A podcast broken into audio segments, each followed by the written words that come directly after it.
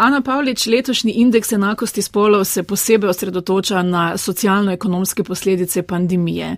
Vi spremljate podatke o enakosti spolov že vrsto let. Kaj nam je epidemija prinesla v Sloveniji, pa morda tudi v Evropi? Ja, um, gotovo moram za začetek povdariti, da se mi zdi izjemno pomembno, da se je letošnji uh, indeks Evropskega inštituta za enako spolo usredotočil prav na pandemijo. Namreč že pred pandemijo je recimo Svetovni gospodarski forum izračunal, koliko let nam še manjka, da bi lahko ob nekem tempu, uh, ki je bil precej polži, če lahko tako rečem, preden uh, nas je dosegla ta sindemija, uh, kdaj bi lahko pričakovali enakost. In takrat so prišli nekako do številke 99 let. Zdaj, potem, kar smo videli samo v zadnjih letih epidemije, so izračun seveda morali popraviti na 136 let. Torej, preden bo sploh na nas padla uh, družbena in gospodarska kriza, ki je res, mislim, da pred vrati in za katero vemo po izkušnjah prejšnjih kriz, da bo um, neproporcionalno bolj prizadela ženske, nam je lahko jasno, da se bo ta številka v bistvu pomaknila še bolj v prihodnost. Zato se mi zdi res zelo pomembno, da so se pri Aigaju tega lotili, namreč uh, nekaj, kar je bilo mogoče po mojem okusu premalo krat izpostavljeno. In tukaj zdaj predvsem merim na odločevalce in na odločevalke, je bila ta uh, spolno uh, različna uh, teža, ki jo je pandemija prinesla za moške ali pa za ženske. Zakaj pa je do tega prišlo? Zaradi tega, ker seveda moramo vedeti, da v naši družbi moški in ženske še vedno zasedamo drugačne vloge, ker ima družba do nas drugačna pričakovanja. In to se je seveda kazalo kako.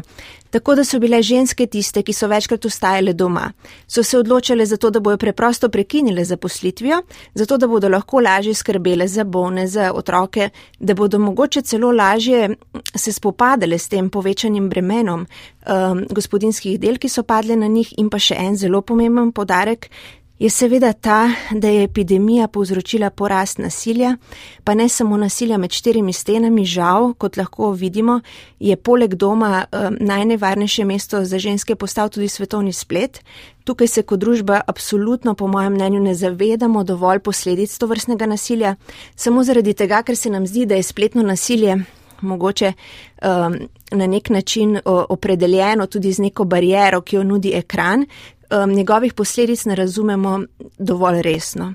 Ampak danes bi že morali vedeti, da so posledice enako močne in usmerjene so v to, da se žrtve dejansko um, avtocenzurirajo in imajo čisto enake posledice kot žrtve recimo fizičnega in psihičnega nasilja. Teh 136 let, o kateri ste govorili, velja za Slovenijo ali za Evropo? Velja za, na globalni ravni za cel svet. Kakšni so podatki za Slovenijo, ki smo jih poslali v to evropsko poročilo? Kaj je epidemija spremenila? Kam zdaj spadamo, kam smo zdrsnili, kam smo morda zlezli? Ja, um, no tukaj pa moram uh, podariti nekaj še hujšega. Namreč uh, zdrs Slovenije, ki ga pač beleži indeks, se je zgodil že pred epidemijo. Slovenija je napredovala vse nekako popolžjeno do leta 2019. Takrat smo dosegli neke napredke, ki so bili večinoma povezani z napredki na področju moči. Moč je eden izmed področji, ki ga ta indeks beleži. Zakaj je to pomembno izpostaviti? ker smo seveda, kot eh, se lahko poslušalci in poslušalke spomnijo, na kar nekaj volitvah v parlament um, izvolili tako imenovane nove stranke. Nove stranke pa ženskam omogočajo precej večjo izvoljivost. Zakaj? Zato, ker nove stranke še niso seznanjene točno z volilnimi okraji, uh, v katerih bodo izvo izvoljeni njihovi predstavniki in zato, ker nimajo tako utrjene baze uh, svojih zvestih privržencev, ki jim morajo nekako če lahko temu tako rečem, zagotoviti delo, tako da jih postavijo na izvoljiva mesta. Zdaj ta baza je večinoma sestavljena iz moških, zato je to pravzaprav nekaj, kar moramo zelo kritično reflektirati. Se pravi, to, te neke uh, napredke smo dosegali predvsem zaradi tega, najprej zaradi kvot in zaradi tega, ker smo večkrat uh, izvolili nove stranke. Potem pa od leta 2020 Slovenija beleži nazadovanje Lani, to je bilo tudi nekaj, kar je bilo po mojem precej spregledano, je bila Slovenija edina izmed vseh držav, ki je po merjenju tega indeksa nazadovala. Letos je ohranila svoje 12. mesto, ampak je zopet uh, za, eno, za nič cela enostotno točko uh, poslabšala svoj rezultat. Kaj bi nas recimo iz teh rezultatov v primerjavi z drugimi evropskimi državami moralo skrbeti, predvsem v povezavi z korono, ki jo je tokrat eh, raziskava dala v središče? Ja, to je zelo pomembno vprašanje. Kaj bi nas moralo skrbeti? To, da so nas očitno druge države, s katerimi smo nekaj časa skupaj napredovali, zdaj prehitele. Zakaj pa so nas prehitele? Zaradi tega, ker očitno v Sloveniji to ni vprašanje, ki bi bilo vredno sistemske obravnave. Naša država praktično ne beleži, ne zbira nobenih podatkov, ki bi um, bili lahko analizirani tudi po osebnih okoliščinah. Ena izmed teh osebnih okoliščin, ki je zelo pomembna za zgodbo enakosti spolov, je seveda spol. Obstajajo pa še druge osebne okoliščine in okolikor bi mi imeli take podatke, bi lahko za izhodiščno stanje, ki je, kot vemo, um, prva točka, kadar se sprejema ali pa daje pobuda za novo zakonodajno ureditev, bi lahko na ta način detaljno identificirali tiste skupine, naprimer žensk, ki jim je potrebno najprej pomagati. Zdaj mi tega ne počnemo. Kaj to pomeni? Da pravzaprav sprejemamo spolno slepe zakone. Ali smo se kdaj uh, v zadnjem času uh, spraševali o tem, kako mora biti načrt za odpornost sestavljen, glede na to, da bi lahko zagotovili uh, ženskam boljši vstop v krizo, ali pa kako ga moramo vzpostaviti, zato da ne bodo krize plačale uh, bolj kot moški. Vedeti moramo, da so ženske koncentrirano zaposlene tudi v Sloveniji, v poklicih, ki so manj plačani in v poklicih, ki so manj cenjeni, da so ženske tiste, ki v večini primerov delajo za uh, krajši delovni čas, da so ženske tiste, ki trpijo zaradi plačilne vrzeli, da so starejše ženske v Sloveniji um, ene izmed um, ranljivih kategorij, ki, so, um, ki, pre, ki predstavljajo največje tveganje za revščino. A se kdaj o tem sprašujemo? Ali zdaj, ko razmišljamo o tem, kakšne ukrepe bi zagotovili državljanom, razmišljamo posebej o ženskah? Mislim, da ne. In to je ključna težava, um, ki se mi zdi, da je posledica tudi tega, da je ta naš rezultat, ki je še vedno 12. mesto, očitno uh, odločevalcem in odločevalkam, ki ne razumejo, da je enako spolov horizontalna politika. To pomeni, da jo more vsako ministrstvo in vlada upoštevati, kadar razmišlja o tem, kako bi se te enakosti odpravilo, pa ne samo te neenakosti, ampak tudi iti en korak nazaj, te mehanizme, kako nasloviti in odpraviti mehanizme, ki te neenakosti v bistvu reproducirajo. Tega mi žal nismo naredili. Tukaj recimo. Ne morem reči, da je zanimiv, zaskrbljujoče pravzaprav podatek, da je bilo uh, trikrat več žensk od moških izključno odgovorni za skrb za otroke. To je res veliko. Seveda. In k temu lahko dodava še en drug podatek, ki je prav za Slovenijo pokazal, da je več kot v polovici primerov, v 55 odstotkih primerov, bila ženska tista, ki je bila izključno odgovorna tudi za gospodinstvo. Zakaj se lahko temu vprašamo? Zato, ker je očitno v Sloveniji še vedno prevladojoč zelo patriarhalen model uh, spolnih vlog, ki ustraja na stereotipu, da je vloga ženske podrejena moškemu in podrejena uh, njeni skrbi za dom in družino. Vendar pa zanimivo so bile te razlike, torej 11 odstotkov moških je poročalo, da gospodinsko delo opravljajo v celoti ali pretežno sami in 55 odstotkov žensk. In vendarle, kljub tej razliki, so bile te razlike v Sloveniji manjše kot uh, v drugih državah Evropske unije, kar je pravzaprav zaskrbljujoče, ne?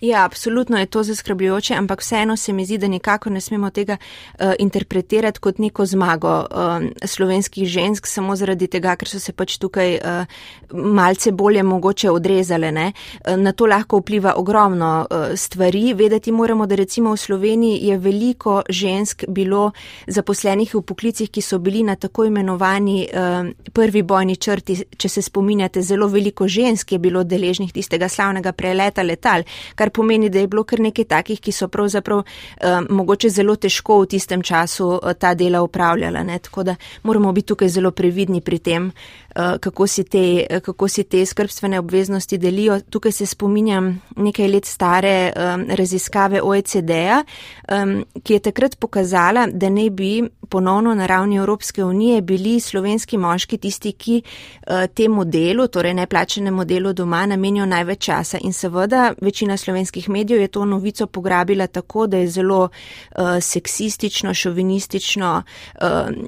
pisala naslove, kot so bili slovenke, so lahko najbolj srečne, ker imajo same copate. Ne? Žal niso uh, tisti mediji. Uh, te raziskave prebrali do konca, ker bi lahko videli, da če tudi so se slovenski moški v največji meri izražali um, k temu, da upravijo res največ ur tega dela, so slovenske ženske še vedno upravile dvakrat več tega dela od njih. Ko smo ravno pri raziskavah, prav vaš inštitut je v začetku epidemije opravil manjšo raziskavo o vzdušju v intimno-partnerskih odnosih in družinah, eh, takrat še v času karantene in tiste negotovosti. Kaj lahko rečemo skoraj da dve leti kasneje? Je korona obudila, zacementirala oziroma kaj je naredila z patriarhalnimi vzorci, ki so vendarle prisotni tudi pri nas? Gotovo, da jih je obudila in tudi spodbudila. Eh, ti patriarhalni vzorci eh, vedno nekako tlijo na površju, na površju vsake družbe. Kader prihaja do nekih ključnih družbenih sprememb, kader se uh, znajdemo na nekem razpotju, um, je zgodovina dokazala, da ti vzorci postanejo še glasnejši, kadar se nam zdi, da je svet v kaosu ali pa v neredu, se ti vzorci obudijo na način, da večinoma moški pravijo, da je treba ta nered spraviti v red. In v tem redu je zelo jasna vloga ženske. Tukaj merim recimo na pozive k vrnitvi pravi narave ženske, k uh, premišljevanju o tem, ali je primerno, um, da ženske lahko svobodno odločajo o svojem telesu. Um, skratka, pozivi k rodnosti in tako naprej so nekaj, kar je seveda um, nevarno se pokazalo tudi v tem obdobju. Korak nazaj, kot so ga ocenili pri tej, je področje zdravja.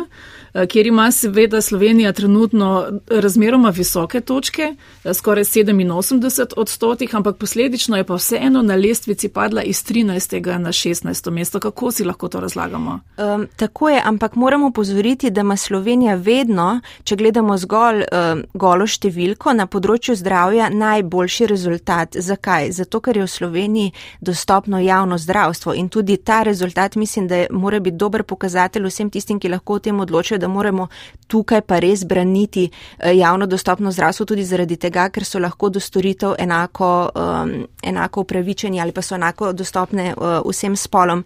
Uh, do tega razkoraka je prišlo gotovo zaradi uh, COVID-ne krize, ki je, kot vemo, pač ustvarila takšen pritisk na zdravstvene storitve, da je bila dostopnost do storitev nekoliko slabša.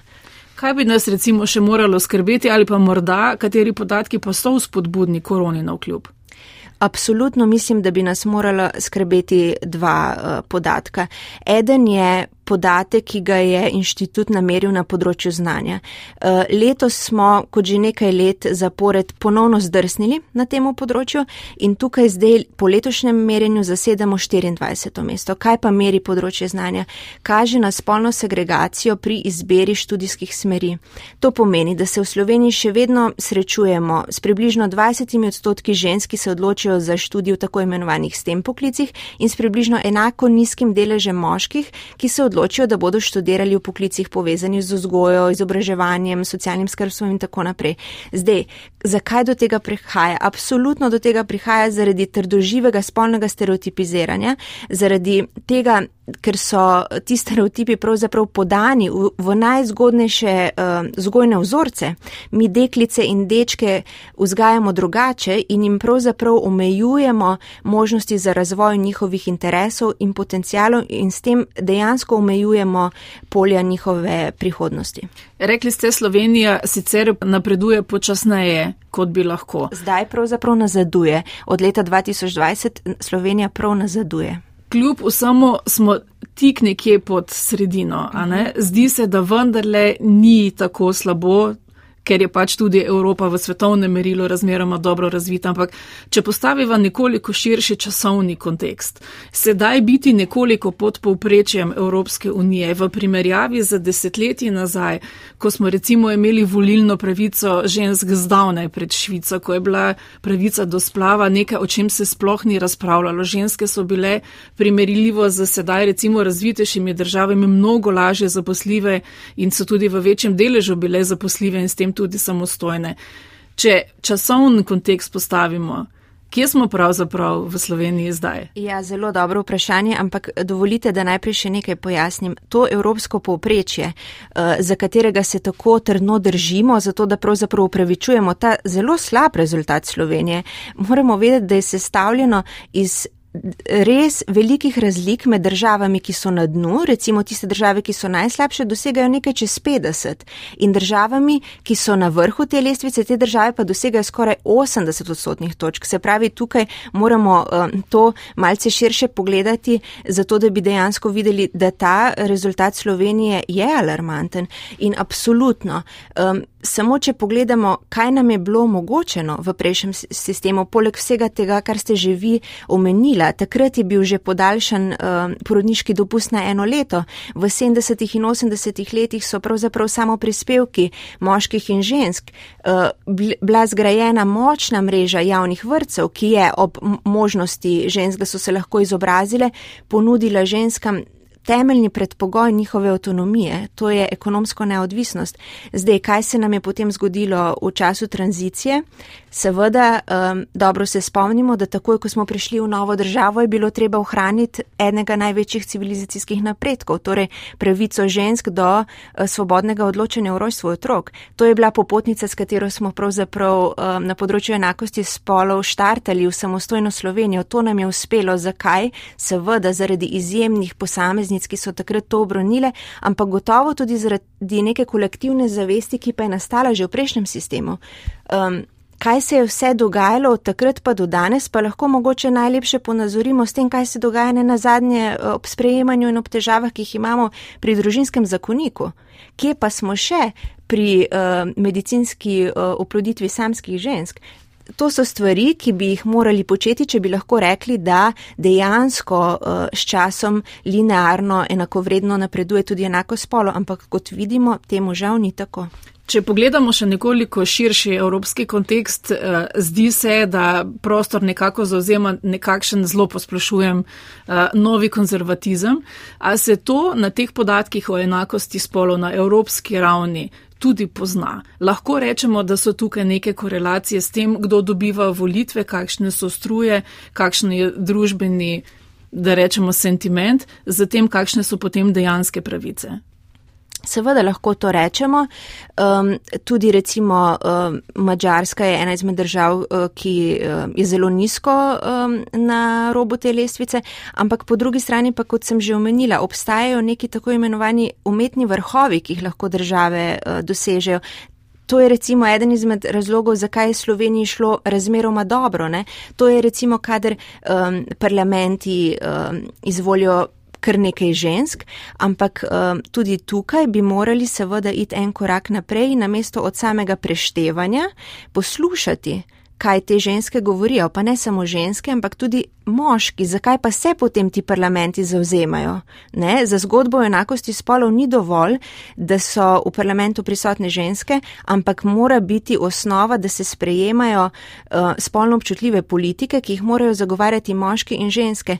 In zelo pomembno se mi zdi podariti tudi to, da se pogosto v javnosti Še vedno, ker slovenska družba ima, kot vemo, veliko težavo že sploh s tem terminom enakosti. Mi imamo politične stranke, kot je recimo pokazala ena izmed prvih raziskav, ki smo jim delali na našem inštitutu, ki sploh nočejo govoriti o enakosti, zavračajo termin kot tak, kot da bi se tega bali, kot da jih to vznemerja, ampak kaj pravzaprav pomeni enakost in zakaj enakopravnost ni dovolj, ker je enakost med spoloma ali pa enakost spolov temeljni predpogoj za demokratično državo, šele to nam nudi demokratično izkušnjo. Enakost predvideva institucionalne okvirje, ampak tudi družbene okvirje, se pravi družbo, ki bo omogočila udejanjanje te enakopravnosti, ki pa je zgolj to legalno urejena um, enakost med spoloma. Zato se mi zdi seveda.